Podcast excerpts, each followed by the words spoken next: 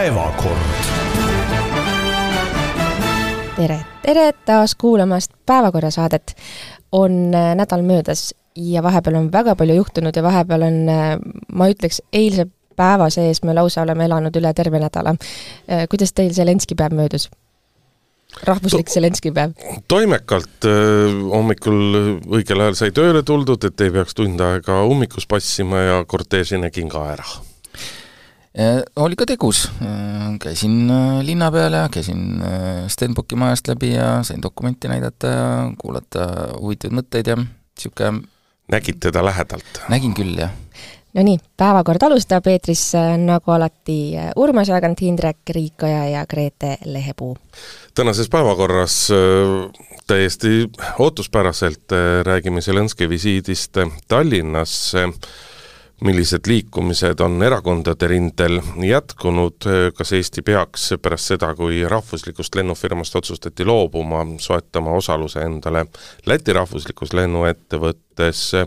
õpetajate streik on lähemal, kas ta ikkagi tuleb, kellele tohib ja kellele ei tohi palka maksta, kas pommitamise aastapäeval tohib pidutseda? Ja räägime siis ka menstruaalteemadel või kuidas seda täpsem oleks nimetada jah, väga hästi nimetasid. aga alustame päevakorras äh, esimese kõige, nädala kõige olulisema punktiga, ehk siis Ukraina presidendi visiidiga Tallinna ähm,.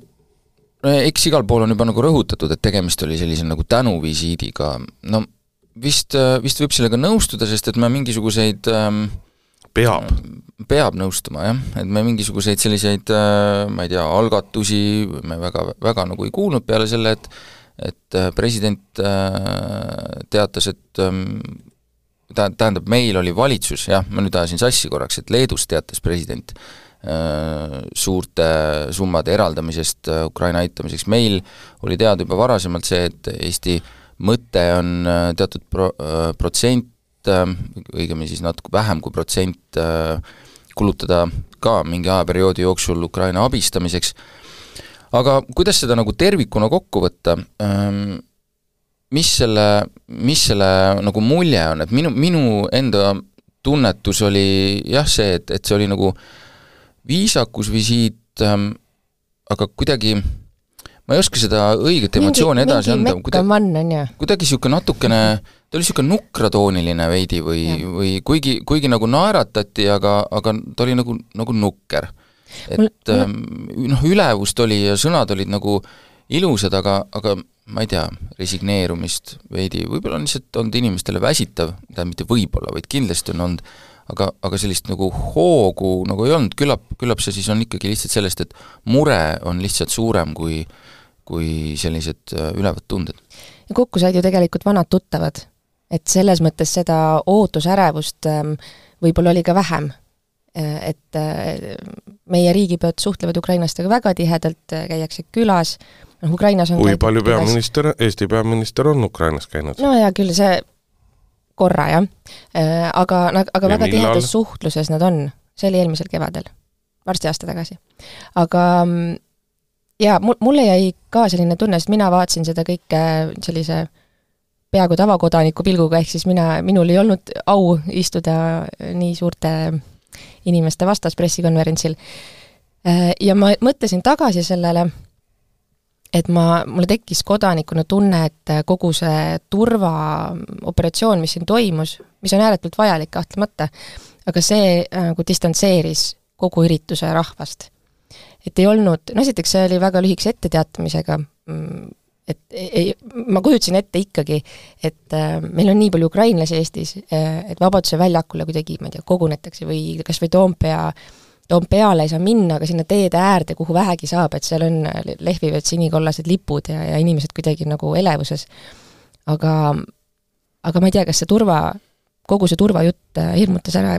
või no,, või jah? me sellest jõuame rääkida, kui selle sisu poole peale, siis minu jaoks oli üllatav see, et kui väga see tõepoolest oli selles mõttes selline nagu tänu, tänuvisiit, et eh, kui vaadata rahvusvaheliselt, kus Zelenskõi on käinud, kui palju ta on käinud, eh, kui vaadata kas või Leedutki, siis äh, igal pool on noh, nagu mingisugune kas küsitakse midagi, kas lubatakse midagi, leedukad teatasid ka oma nii-öelda täiendavast äh,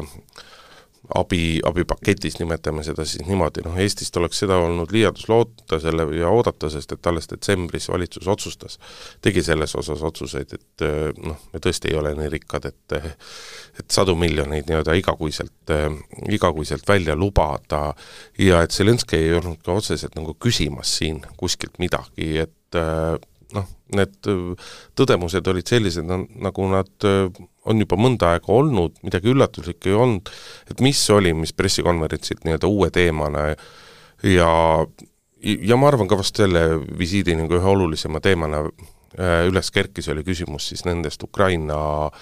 meestest, kes on, kes elavad ka Eestis, aga samamoodi tegelikult ju teistes riikides, aga mitte Ukrainas, kes on äh, sõjaväekohuslased, aga kes rindel ei ole ja kodumaal ka ei tööta, et kelle panus selles mõttes äh, Ukraina sõtta on väga väike ja Zelenskõi oli väga ettevaatlik selle, sellele küsimusele vastata, mõttes, aga noh, teada on ju, et see on tegelikult Ukrainas väga suur mure, et neil ei ole puudu mitte ainult relvastusest, vaid neil on puudu ka meestest, eriti just perspektiivis, et see sõda võib veel aastaid kesta. ja no seal tuleb ka tähele panna, minu arust oli väga, ma väga ootasin, mismoodi Zelenskõi sellele küsimusele vastab ja ta vastas väga targalt, et äh, mulle meeldis see, et ta rõhutas seda, et ega, ega see ei pea tähendama, et need inimesed siit, kes siit lähevad, on, neid ootab kohe nagu rindele minek, et et äh, ta ütles väga õigesti, et äh, kui te olete Ukrainas, töötate kas või käite nii, nii nagu ikka, käite tööl, maksate makse, ka see aitab riiki ja see on täiesti õigus. et äh, nii see ongi, et noh, eks ok-, me võime öelda, et noh, mis, et see on selline nii-öelda jutuks hea ja noh, et eks see muidugi nii on, aga, aga noh, tegelikult on ikkagi mõte, et mehi on vaja ikkagi nagu konkreetselt sõtta. et noh, küllap on seal nagu mõlemat aga noh, see, see probleem Äh, probleem neil on ja see saab nagu järjest tugevamaks kindlasti, sest me peame lihtsalt äh, vaatama seda külma fakti, et äh, venelasi lihtsalt on hulga rohkem ja sealsetel riigijuhtidel on ka oma inimestest äh, täiesti ükskõik. aga see turvaküsimus, mis sa viitasid, see oli küll väga huvitav küsimus, et äh, meie kontor asub siin Narva maantee ääres ja ja eile hommikul sisuliselt tund aega oli ju meie esineja tänav nagu kinni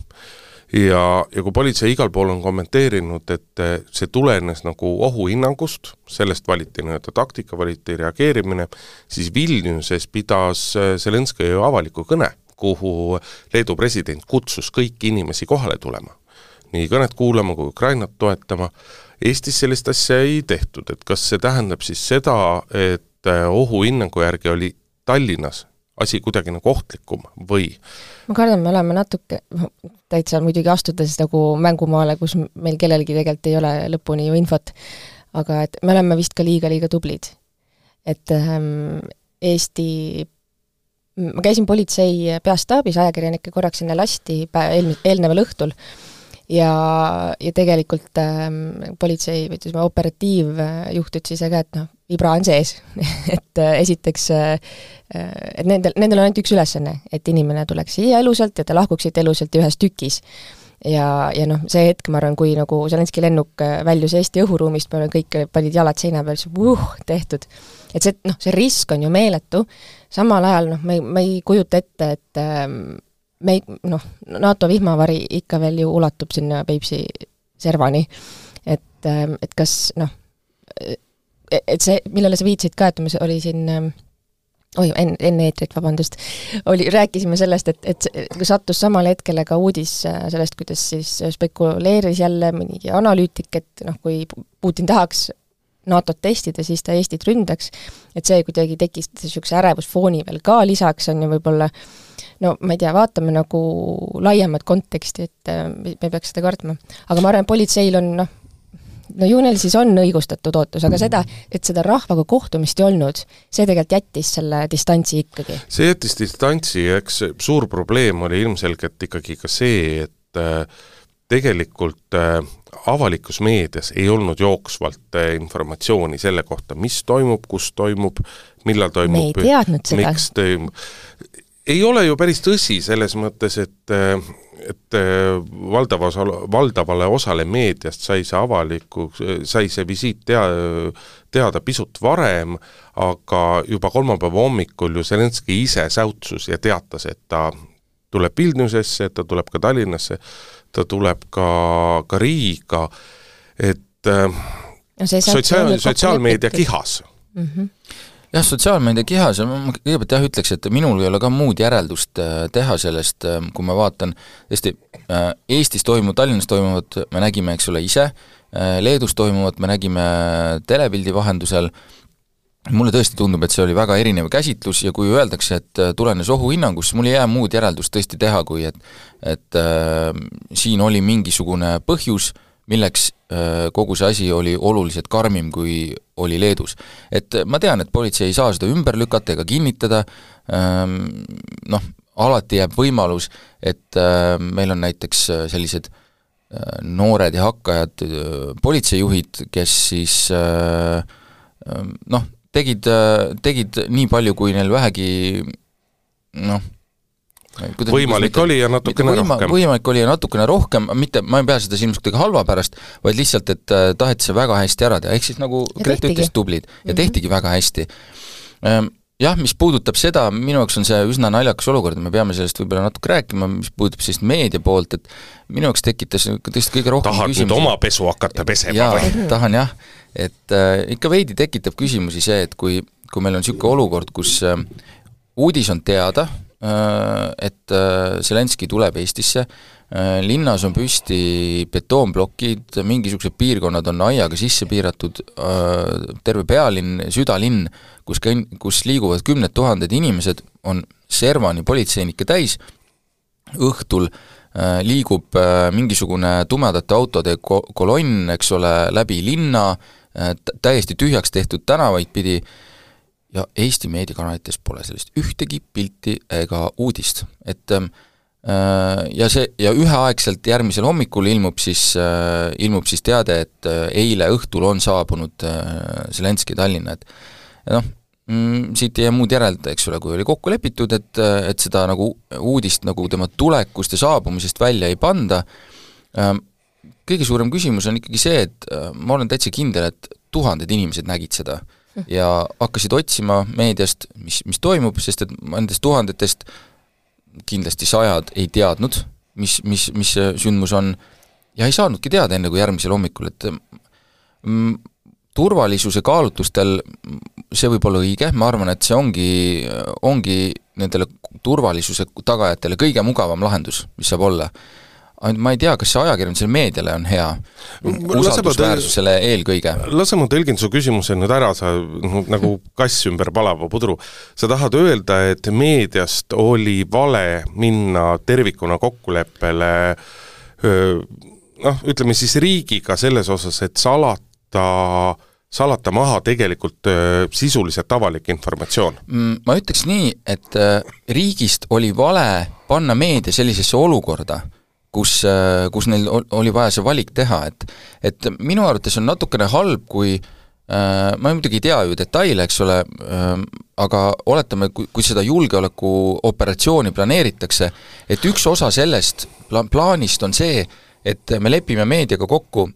et mingit uudist ei ilmu. et äh, minu arust oleks normaalne, kui selle planeerimise osa on see, et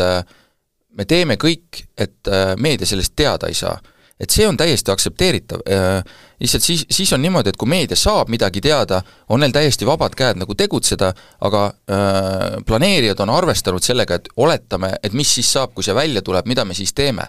aga et selle nagu kogu projekti üks osa on see, et äh, seda me väldime sellega, et me lepime mingid asjad kokku ja see kokkulepe pidas, see on muidugi aumehelik, et see pidas äh,, ma kujutan ette, kuidas äh, erinevates majades, eks ole, võis sügeleda, panna neid mhm. pilte üles mm, ja seda teadet välja, aga kokkulepe pidas, äh, see on nagu iseenesest hea, aga ma arvan, et äh, ei ole aus panna meediat sellisesse olukorda, et ähm, ja sa ütlesid jah ja, päris tabavalt, et me teeme seda iseenda usaldusväärsuse arvelt, on ju. aga minu meelest on siin kaks asja, et äh, üks näitab, ähm, kuivõrd võib-olla me astusime, panime pähe nagu selle teise rolli mütsi, me astusime võib-olla sellest ajakirjanike rollist välja ja olime rohkem nagu kodanikud või, või ka Zelenskõi ja Ukraina fännid sel hetkel, et see ma läks, see läheb meile nii korda, see teema, et me olime nõus selle, selle ma olen, ma olen selle viimasega väga nõus, ma ise arvangi, et, et kui, kui see oleks olnud ükskõik kes teine, siis see olukord oleks olnud teistsugune, aga aga ja kui kuna... me asuksime maailmakaardil ükskõik kus mujal. ja ei, ei tahaks ju ka tegelikult noh, ükski meediamaja seda, et mingisugune probleem tekib sellest, et nendel oli ilge kihk see uudis üles panna, sest et tõesti, meile on hästi, ka meile äh,, ajakirjanikuna oluline, et äh, Zelenskõi püsiks elus mm -hmm. ja Zelenskõi teeks edasi seda, mida ta praegu teeb äh, Ukraina heaks ja selle kaudu kõigi meie heaks samamoodi. et äh, selles mõttes on see nagu mõistetav, aga jah, see, need, ma lihtsalt, need olid mõtted, mis mul sellega seoses pähe tulid ja ma natukene loodan, et äh, et seda võib-olla äkki väga ei kordu, et, et, et pigem et aga pigem sa ei tahaks endalt küsida, et huvitav, mida veel on meedia kokku leppinud äh, no ei, ei, ma, mina ei lase sul niisugust, niisugust asja puhuda üles. ei, mina ei puhu midagi üles, ma küsisin Urmaselt, kas temal ei teki sellist tunnet, ära nüüd Minu, inkrimineeri mulle. minul ei teki niisugust tunnet, aga ma, ma ei paneks pahaks, kui mingitel inimestel on tekkinud selline tunne, kui, kui neil on olnud vähegi aega või mahti sellise asja peale mõelda, ja võib-olla see polegi nagu üldse nagu nii suur nagu probleem lugejate või meedia tarbijate jaoks, aga noh, mulle lihtsalt tundus, ja ma, ma rõhutan nagu selle üle, et tõesti, ma arvan, et see suurem põhjus selles ongi see, et lihtsalt äh, see Zelenski äh, isik on see, mis äh, tagas selle, selle olukorra ja selle, et nii-öelda meedia on ka nagu siin läinud nagu kaugemale, aga lihtsalt mm, jah, halb on minu arvates see, et, et nagu operatsiooni planeerimise osa on see, et meedia on kohe nii-öelda nagu noh, ütleme siis vaigistatud, mitte et, mitte et plaan, plaanil ei ole nii-öelda kõrvalharu, aga mis siis saab, kui ajakirjandus saab varem haisu ninna? ma, ma tean seda, tahtsid öelda, ma torkan lihtsalt selle vahele, et äh, ei, ei tohi vaadata ainult niimoodi, et meedia on vaigistatud, ka meedia lasi ennast vaigistada. see, ma arvan, ideaalplaan politseil võiski olla see, et ähm, et võib-olla ajakirjandusele ka ei öelda, no selles mõttes on võimatu, kui sa paned Tallinna linna betoonblokke ja sõjaväeautosid koguses, mida siin ikkagi nähtud ei ole, kevad, niisugustest, ma ei tea, jah, kevadtormidest või, või Obama viisi, visiidist saadik ja et, et eks see ajakirjanduse jaoks küsimused tekkinud ikka, aga politsei plaani rikkus ära Zelenskõi ise, kes säutsus Leedus olles, et ta tuleb ka Eestisse. see ei olnud kokku lepitud eestlastega, et ta, et ta selle teate teeb ja sealt võib-olla alates tekkiski see selline nihe ilmselt selle avaliku kommunikatsiooni ja meie nagu ootuse ja kõigega no,. aga minu meelest on see kasutamata, nüüd ma ei lase sul rääkida, nüüd on, minu meelest oli see kasutamata võimalus ta ütles seda Urmasele, mitte mulle kasutamata võimalus äh, äh, just tekitada seda sooja tunnet. eile läks ilm väga vastikuks, aga aga et ähm, tegelikult Eesti rahvas on, on ju Zelenskõi poolt ja, ja peab teda ähm, selliseks iidoliks ja suurkujuks äh, et seda oleks võinud, ähm, kui meil oleks olnud võimalus kuidagi luua nagu sellist ootust, soojust ja mõistlikku suhtumist ja kõike seda, äh, siis sellest oleks saanud tulla palju noh, see, see heas mõttes või selline ülekantud tähendus pohmell, mis meil täna on, oleks rohkem eufooria, mitte väsimus, ja seda oleks väga vaja, et äh, ma arvan, Eesti diplomaadid said kindlasti eile nagu täiesti niisuguse energialaksu. sa ütlesid nii ilusasti, et Eesti rahvas on äh, Zelenskõi poolt, ma kuulsin kolmapäeval sellist arvu, Urmas kuulis ka seda arvu, et äh, väidetavalt kuuskümmend viis protsenti Eestis elavast muu, muukeelsest elanikkonnast toetab Putini sõda Ukrainas ja no, ei toeta on... Ukrainat nojah, noh, need, need on ka faktid jah, aga need inimesed on vähemuses. aga, ja, ja Eestis ähm, see, see raske majanduslik koorem, mis meil on tulnud ka kanda seoses selle sõjaga, oleks ehk nagu korraks kergem olnud, kui oleks suudetud sellist nagu tõesti eufooriat, et see tänu oleks tulnud rohkem läbi. see ühtsustunne oleks tekkinud ma arvan, et seal oli ka natuke seda kalkulatsiooni tõesti, võib-olla seal kalkuleeriti seda numbrit, mida Indrek just ütles, äh, et äh, kui sa teed sellise nii-öelda pool, lased niisugused pooltüritused, siis võib olla üsna kindel, et võivad tulla ka vastuüritused, ja teine, võib-olla isegi tõenäolisem kalkulatsioon võis olla see, et kuna see etteteatamisaeg on nii lühike, siis äkki neid inimesi koguneb lihtsalt äh, mannetult vähe, inimesed lihtsalt ei jõua oma plaane teha selliselt, et nad saaksid äh, tööpäeval niimoodi tulla, ja parem siis nagu mitte, kui et jääb mulje, et meil on siin mõned üksikud, kes, kes seda toetust avaldaksid, et et võib-olla on seal lihtsalt nagu niisugune puhtalt praktiline põhjus, et ini-, et inimestele, tunti, et inimestel ei jää piisavalt aega selle, seda oma plaanidesse nagu mahutada, kuhugi koguneda, Zelenskit tervitada, et siis parem juba nagu üldse mitte, et aga noh, see on puhas spekulatsioon, ma ei tea, kas see, kas see nii oli. kas me räägime muudest asjadest ka? Jaa, kui ei oleks tabanud Eestit äkkvisiit, siis kindlasti põhiteema oleks meil Keskerakond täna ja Keskerakonna lagunemine. Eelmises saates äh, mäletan seda momenti, kus me võtsime ette Keskerakonna fraktsiooni nimekirja, hakkasime läbi käima, jõudsime Kersti Sarapuuni ja siis me Indrekuga mõtlesime, no ei noh, kus tema ikka läheb ja siis Urmas muigas niimoodi kandva pausiga. ja tõesti, Kersti Sarapuu äh, ka äh, on nüüd siis Kõlvarti meeskonnast lahkunud ja Keskerakonnal on ikka väga rasked päevad ja, ja ei ole kõrvalt, Kõlvart suutnud äh, viimase nädalaga ennast mitte kuidagi paremasse positsiooni upitada, pigem võib-olla kaevanud ennast kuskile sügavamale, või siis on äh, erakonnast, teised erakonnast lahkujad äh, seda teinud, Kõlvart, Kõlvarti jalgealust veel rohkem ära kaevanud, et no ikka nukker, ma olen siin saates Kõlvartit kuidagi kaitsnud või talle nagu pöialt hoidnud sellepärast, et Eestil on vaja noh, era-, nagu poliitilist niisugust mitmekesisust, Keskerakond on nii suur erakond, et, et ta võiks noh, ideaalis minu sellises helesinises maailmas on ju, tema võiks olla see erakond, mis noh, teeb sellise, ma ei tea, rahvuspöörde, et, et lõpetab nagu sellise lõhestava poliitika, toob kõik venekeelsed inimesed kuidagi pare-, uh, Indrek vaatab mind nagu ma oleks, räägiksin mingit ulmejuttu, ma tean, ma räägingi. aga et, et ma, ma lootsin kuidagi, et Kõlvartil on päriselt mingisugune plaan, aga noh, tülis olid äh, keskerakondlased ammu, eelmisest, üle-eelmisest suvest juba saati. Ähm,, ei tahtnud, mulle tundus, et tegelikult ega nagu ka, ma ei tea, Jüri Ratase pool ei näinud väga palju vaeva, et ära leppida. Äh, et see, see tüli ikkagi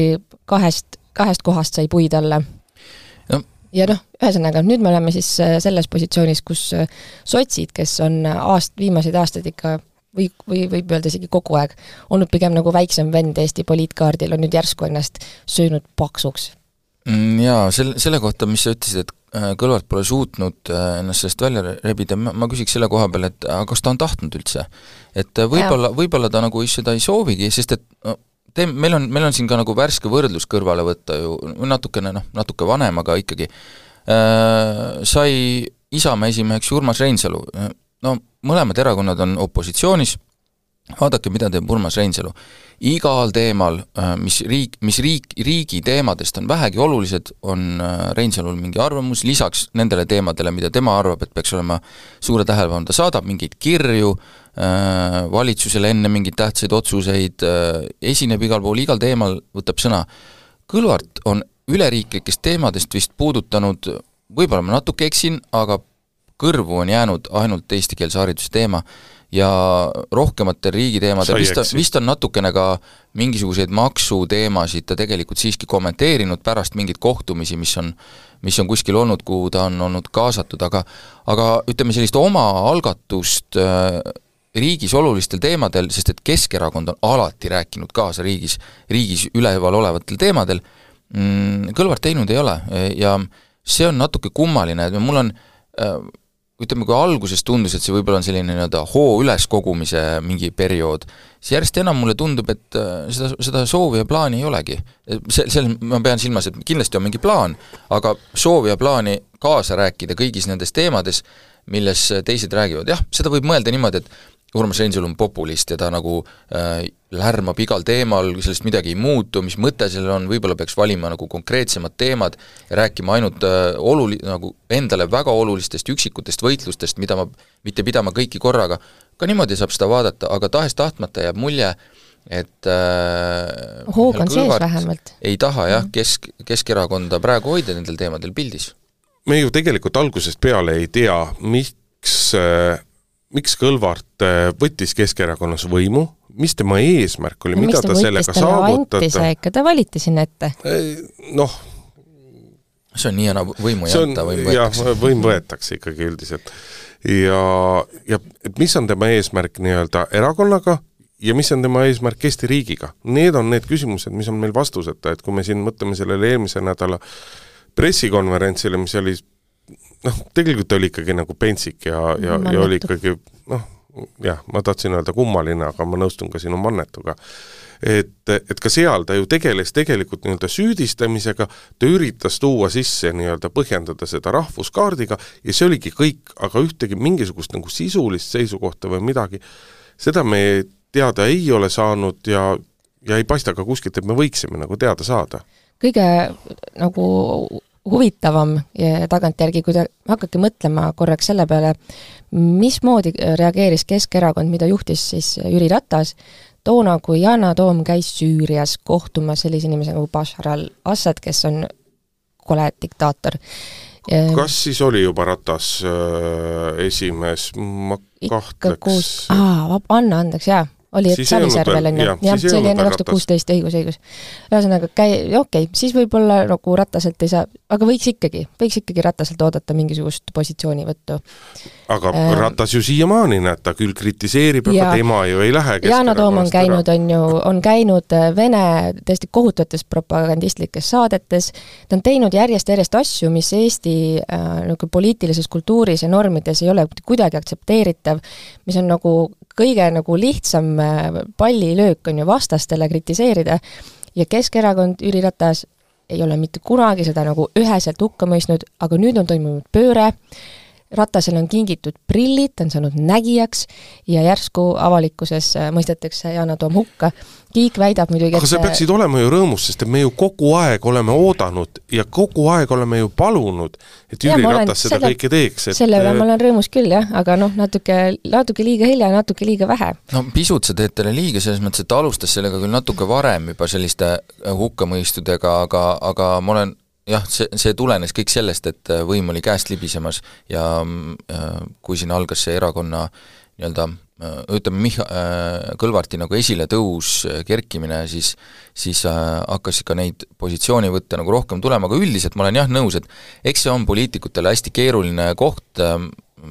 oli ka Eetika suhteliselt või? ebamugav näha mm, Tanel Kiike vastamas nüüd küsimusele, et mida peaks siis Kaja Kallas tegema, et kas ta endiselt äh, nõuab tema tagasiastumist, mida ta ju Keskerakonnas on nõudnud äh, väga karmisõnaliselt, äh, jah, just nimelt nõudlikult, siis nüüd on seisukoht, et nõuanne on, sama, aga see on Kaja Kallase oma valik, noh, et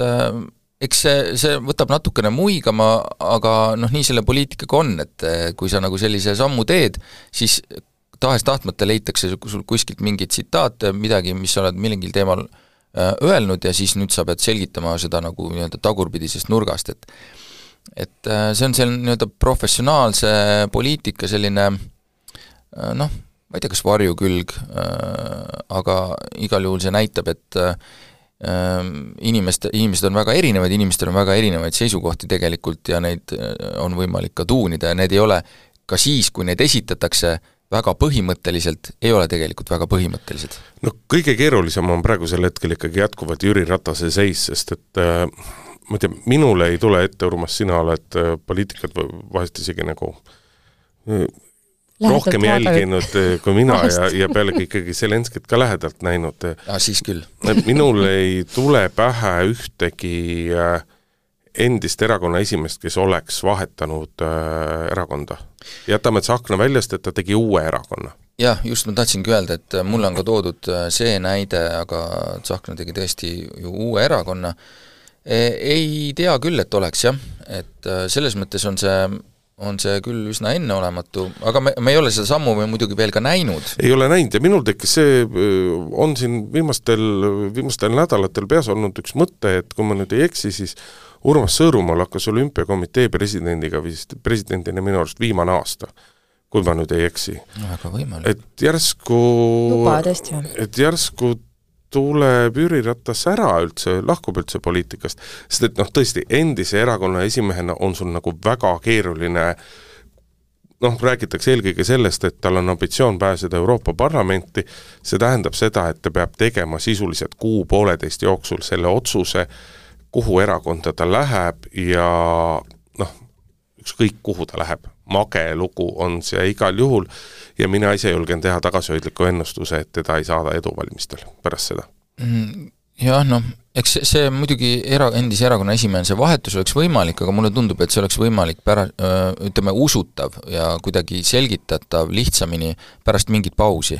Et ma ei tea, pidada paar aastat, aastake vahet ja siis ei, et ma ikkagi, mul on poliitikas veel midagi anda ja ma leian, et just ma olen oma nii-öelda mõtted nagu sirgeks mõelnud äh, ja leidnud, et praeguses olukorras klapib näiteks selle või tolle erakonna nagu selline vaade minu omadega nagu kõige rohkem, et et siis, siis on seda nagu lihtsam selgitada, niimoodi otse minnes on keeruline. küsimus on selles, et kui palju äh, noh, mingil muul on see võimalik, näiteks äh, saavutada olukord, kus sind erakonnast välja visatakse, näiteks.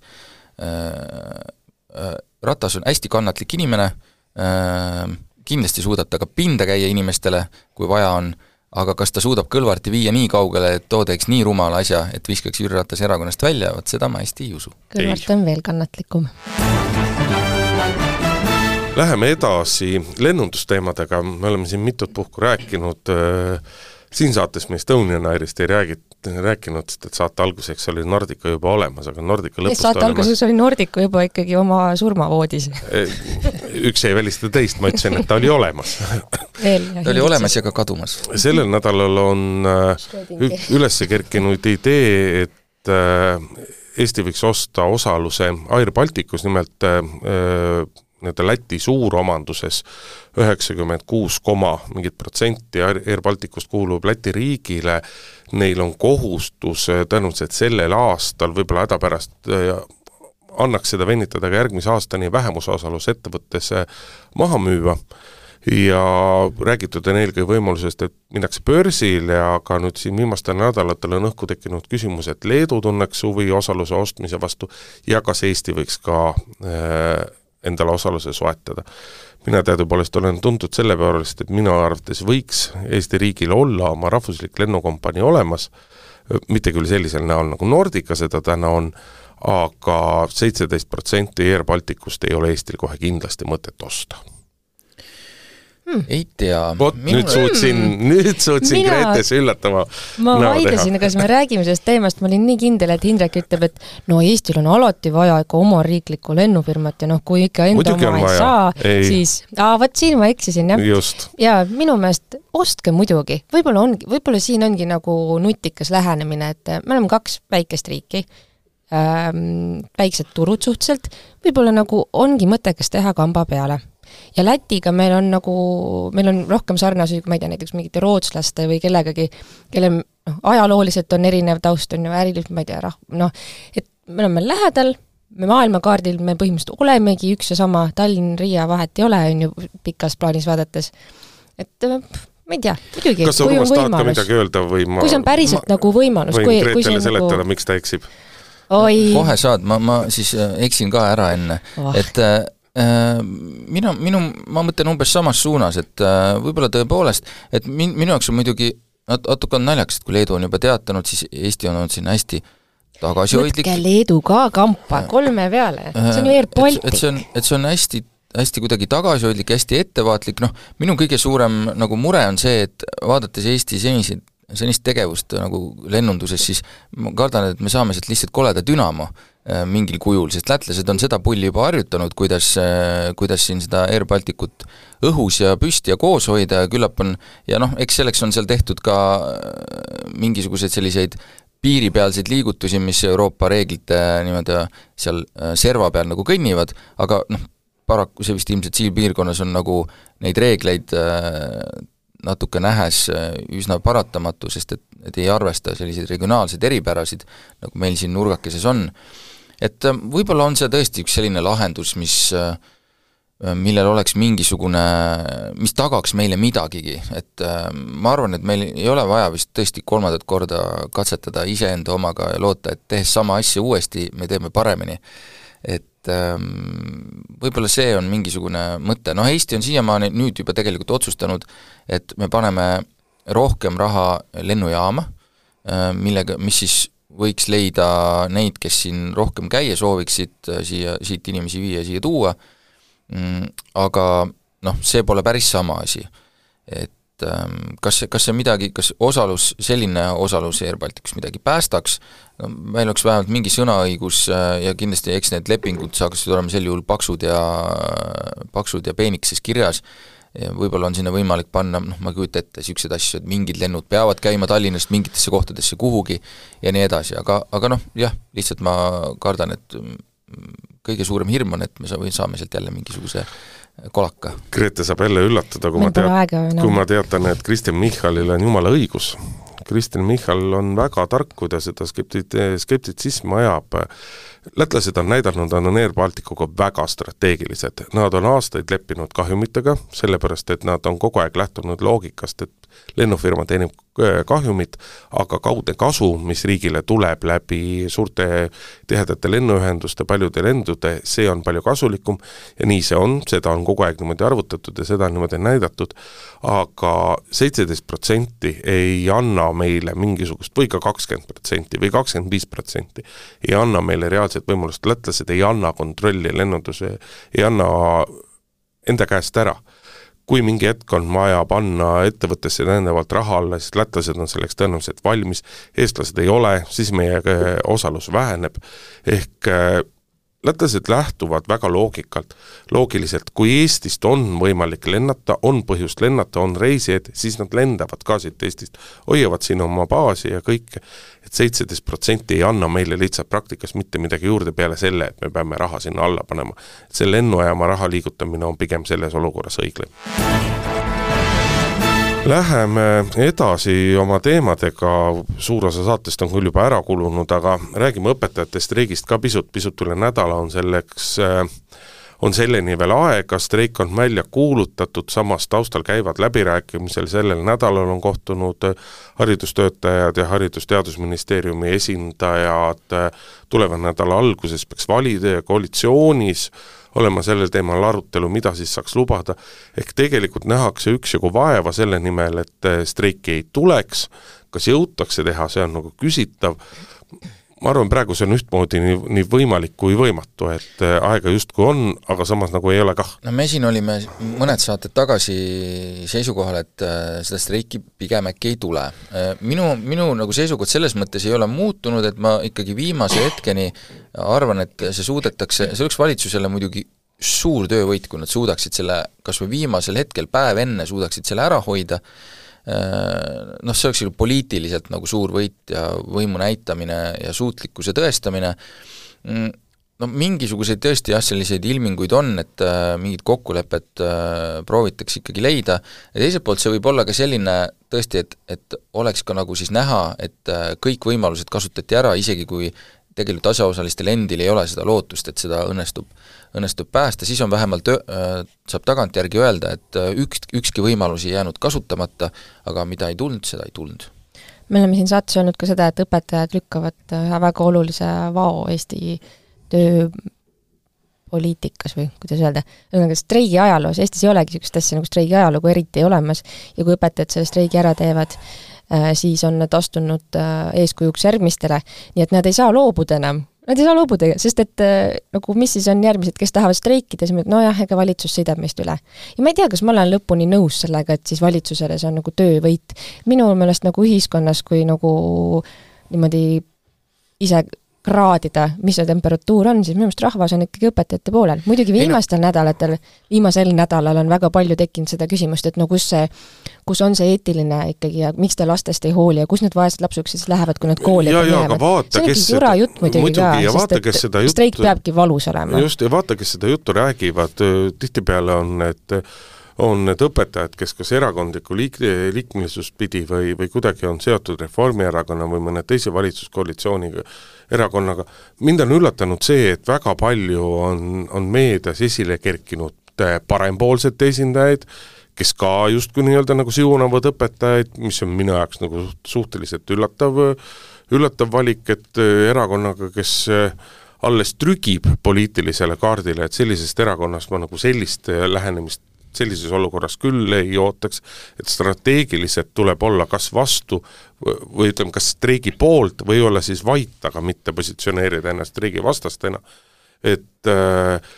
et see kisa ja see kriitika on ikkagi tulnud, noh, seal on päris absurdseid, noh, Karmen Jolleri üks, üks arvamusartikkel, noh, mis oli ikka puhta sõge, noh. täitsa huvitav, jah. mina, mina olen nüüd, nüüd olen minu kord olla üllatunud, et äh,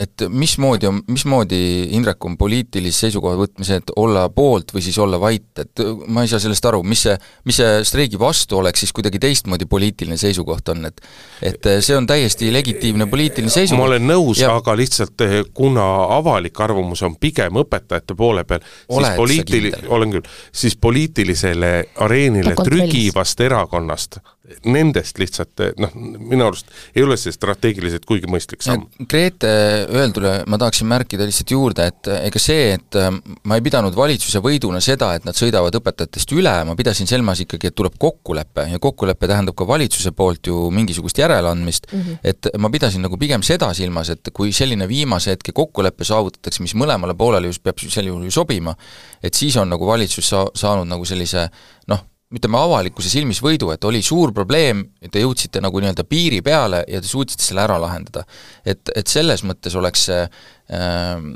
nii-öelda nende jaoks nagu võit, et aga jah, no ma tajun siin jah, tõesti tugevalt niisugust äh, ootusärevust ja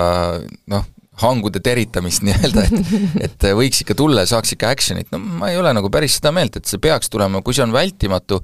siis pole midagi teha, äh, aga mina eelistaksin, äh, eelistaksin igal juhul nagu seda, et jõutaks mingile kokkuleppele, ma arvan, et et lihtsalt selleks, et valitsusel mingit siin kohta kätte näidata, et selleks seda streiki vaja ei ole. vaata, sellega on nagu lausobstruktsiooniga Riigikogus, et loomulikult oleks parem, kui seda ei oleks, aga maailm ei kuku kokku sellest, kui see toimub. ei, ta kokku ei kuku ja, tõesti. ja sellel, ja toimumisel on omad positiivsed küljed ka siiski olemas Lähme edasi järgmise teemaga, mis meil siin veel saatesse mahub, ähm, tuli selline uudis, et Eesti Muinsuskaitse Selts ähm, on mures, nad on palunud äh, Rahvusooper Estonial ähm, avaliku kirja kaudu siis tühistada äh, planeeritud kabaree-etendus, äh, kuna see toimub üheksandal märtsil, mis siis teatavasti on märtsi pommitamise aastapäev ja sellega sugugi selline üritus kokku ei sobi keeruline ongi midagi siia lisada. mina ütleks, et äh, Estonia teater on teinud väga hea vastuse sellele, et vastasid, äh, ma nüüd parafraseerin, et, et kui üheksandal märtsil äh, toona pommitamise ajal siis tumeduse jõud vaigistasid teatris, samal õhtul toimus ju etendus ka ja inimesed põgenesid siis sinna varju, on ju, majas pommitamise käigus. et siis nüüd, aastakümneid hiljem, enam see tumeduse jõud ei varjuta seda teatrit ja ma olen tegelikult nõus, et aeg läheb edasi, et üks ei välista ju teist. Et see, et me, me pühitseme või nagu siis lõbutseme seal teatris, see ei tähenda seda, et me ei mäletaks neid aegu, kus keegi sai viga ja, ja neid inimesi, kes said viga. ja minu, minu kangesti tahaks midagi öelda, aga ma ei oska mm. teid täiendada. minu, minu mm. lähenemine alati sellistele asjadele on see, et täpselt niisamuti, nagu sobivad kokku monumendid ja rulatajad, sobivad kokku ka sellised asjad, sest asjad lihtsalt on juhtunud ühel kuupäeval, keegi on sündinud üheksandal märtsil, peab oma sünnipäeva, kellelgi on, äh, ma ei tea, pulma-aastapäev, mis iganes, äh, noh, selles mõttes ei, need asjad saavad eksisteerida rahulikult koos ja ma ei, küll ei usu, et, et kellelgi, kedagi see nagu väga riivaks, äh, kui, kui samal ajal toimub etendus saalis, mis on selle jaoks mõeldud. viimase teemana ma tahtsin lihtsalt selle ära, ega siin nagu vist pikalt midagi arutleda ei ole, aga mulle väga imponeeris uudis sellest nädalast, et Tallinna munitsipaalkoolides hakatakse jagama tasuta menstruaaltooteid. minu meelest on see viimane aeg ja see peaks kuuluma kuidagi nagu normaalse sellise äh, ma ei oskagi, mis on, majapidamise juurde või, et äh, tualettpaberit äh, me eeldame, et äh, pakub meie tööandja, pakuvad koolid, pakuvad avalikud tualetidki. vaata, kui head sa lasteaedu on... ei ütle, sest et Timmereski lasteaias tagavad tualettpaberivarud ikka jätkuvalt veel La lapsevanemad lapsevanemad, jah. aga no vot, et, et see ja, ja et need asjad on, on ka selline tavapärane elu osa, mis, mis võiks olla olemas. Ja, ja minu meelest see on et eriti, kui on nagu koolides need asjad tagatud, ähm, see normaliseerib seda, et kuidagi ma ei tea, tüdrukud ei pea ennast tundma nagu ääri-veeri hiilima või kuidagi, et see on nagu kuskil nurga taga see teema või et äh, see on asjade loomulik kulg, kord kuus naistel on teinekord allpool see on bioloogia ja, ja sellega me peame kõik äh, hakkama saama ja, ja sellest kõik peavad ka aru saama, et nii on. tahaks lihtsalt loota, et äh, ma ei tea, kuidas neid siis jagada, et kas pannakse mingid automaadid või asjad üle, et seda ei panda nagu peaukse kõrvale, vaid see pannakse aga miks nagu... ikka peaukse kõrvale? no sellepärast, et kui sa paned kooli peaukse kõrvale hügieenisidemete või tampoonide automaadi, siis see tekitab neile, need, neile noortele tüdrukutele seda piinlikkust ja, ja no see on absurd nagu... muidugi, see on absurd, ma niisama norisin sind, loomulikult noh, vetsupaberit sa ei pane ka peaukse kõrvale. et ma, ma, ma tahangi, et nagu tuua selle mõtte, et see, see asi, see teema normaliseerub. tegemist on hügieeniga, et kindlasti tulevad siin kriitikud, kes hakkavad rääkima, et ja kas me nüüd järgmisena hakkame siis koolides põhikoolilastele ka kondoome tasuta jagama tahaks, ja nii edasi, et need on, need on erinevad okay., seda ma tahangi öelda, ei, seda ma tahangi öelda, et need on erinevad asjad, et me ei tohi absurdi keerata sellist asja. see on puhtalt hügieeni küsimus ja mind nagu, mind nagu üllatab, et keegi varem selle peale pole tulnud, äh, tõesti kummaline, nüüd, nüüd hakata mõtlema, see on väga kummaline, et seda pole seni olnud ja mm -hmm. ja see lahendab, minu arust see lahendab märkamatult ühe, ühe probleemi, mi-, mi-, millest on nagu noh, need äh, noored äh, neiud koolisist ise võib-olla väga ei räägi, aga äh, kindlasti osatakse olla nagu tänulikud. ja ebavõrdsust ka vähendab väga olulisel määral. kas me jõuame ka eluloteriid hästi kiiresti teha? peab, peab jõudma. peab jõudma. nii, hea küll ma tõmban siis selle ratta ise käi-, ah tead äh,, Indrek, ütle üks number ühest viieni ma tahtsin kolmkümmend seitse öelda, aga ma ütlen kolm. okei okay ah, see tuli igav uudis, ma valin ise parem see on tõeliselt hea lot-, loterii. see on hea loterii. Te panite kõik Viikingoto numbrid täppi, meil praegu päris raha ei ole, oleks... valime uued numbrid. ma oleksin ma oleks võinud praegu nagu valetada, aga ma ei valetanud. sa oled lihtsalt nii aus ja siiras. ajakirjanikud kõik on väga ausad ja siirad, aga küsimus on selline. Üks Austraalia naine võitis äh, kõige koledama aiatiitli ja ta aed on tõesti kole, noh see näeb välja umbes nii, et kui nagu äh, enamik on noh, nagu niisugune muld ja siis on mingid üksikud nagu tutsakad äh,, tõesti hästi kole aed, ei saagi aru, et see on aed. ja selle äh,, see võistlus on rahvusvaheline äh,, see esimest korda äh, tehti Gotlandi saarel ja Rootsi riik on selle asja käima lükanud. minu küsimus teile on, aga mille jaoks sellist võistlust üldse korraldatakse. mina ennem tahaks teada, kas see naine tahtis võita seda tiitlit? oi, ta on väga rõõmus, ta oli väga no. rõõmus ja ja tema, miks tema aed nii kole on, on sellepärast, et seal elavad ühed närilised, kes käivad ja siis rüüstavad seda taimestikku seal. mis see küsimus meil oli? aga mille jaoks sellist võistlust üldse tehakse, sellel on tegelikult väga nagu, täitsa nagu mõte on taga mingi keeruline. kasu peab seal olema. keeruline pakkuda. ma ei tea, ma otsiksin, et milleks see, on head koledad aiad? et kas see kuidagi on seotud nüüd äh, selle küsimusega siin viimasel suvelgi Tallinnas ja, ja teistes suuremates linnades oli see küsimus, et kas peab niitma rohealasid või ei pea, et, et see kuidagi läheb sinna looduslikkuse mitmekesisuse äkki, äkki see on teadlikkuse tõstmise küsimus, et mis juhtub teie aiaga, kui see, kui te sellega ei tegele, äkki, äkki, äkki on see eesmärk hoopiski? Indrek oli lähemal jah, et see, see mõte on tõesti ähm, Äh, et Rootsis oli ka tõesti, on probleem, äh, et inimesed kastavad oma aeda liiga palju ja panevad sinna raha ja, ja loodusvahendeid, äh, mis mis on lihtsalt raiskamine. ja selleks populariseeritakse seda, et su aed võib olla kollane, võib olla suvalistes kohtades kasvavaid taime tutsakuid täis, et äh, ideaalne aed ja ilus aed äh, ei ole pügatud muru perfektne vaip. lõpetuseks, kas need olid vesirotid, kes ta aia segamini keerasid või? Tead, ei ole, ma, ma pikalt eile otsisin, et äh, mis see eestikeelne looma nimi on, aga see on Bandicoot. ja ta on nagu, ta on rotiline küll, aga ta on selline pikk nina. Ja, ja niisugused, no ta on väga nunnu, väga nunnu, aga vesirotte ei ole. aga selle nunnu olukorraga, kus nunnumeeter on parasjagu põhjas, lõpetame tänase saate ära, Urmas Jaagant, Grete Lehepuu, Indrek Riika olid stuudios, kuulake meid Delfi taskust, Spotify'st, Apple'i podcasti keskkonnast, Ekspressist, Maalehest, Delfist, igal pool on meie saade üle päeval, ilusat nädalavahetust ja järgmisel reedel kuuleme jälle. päevakord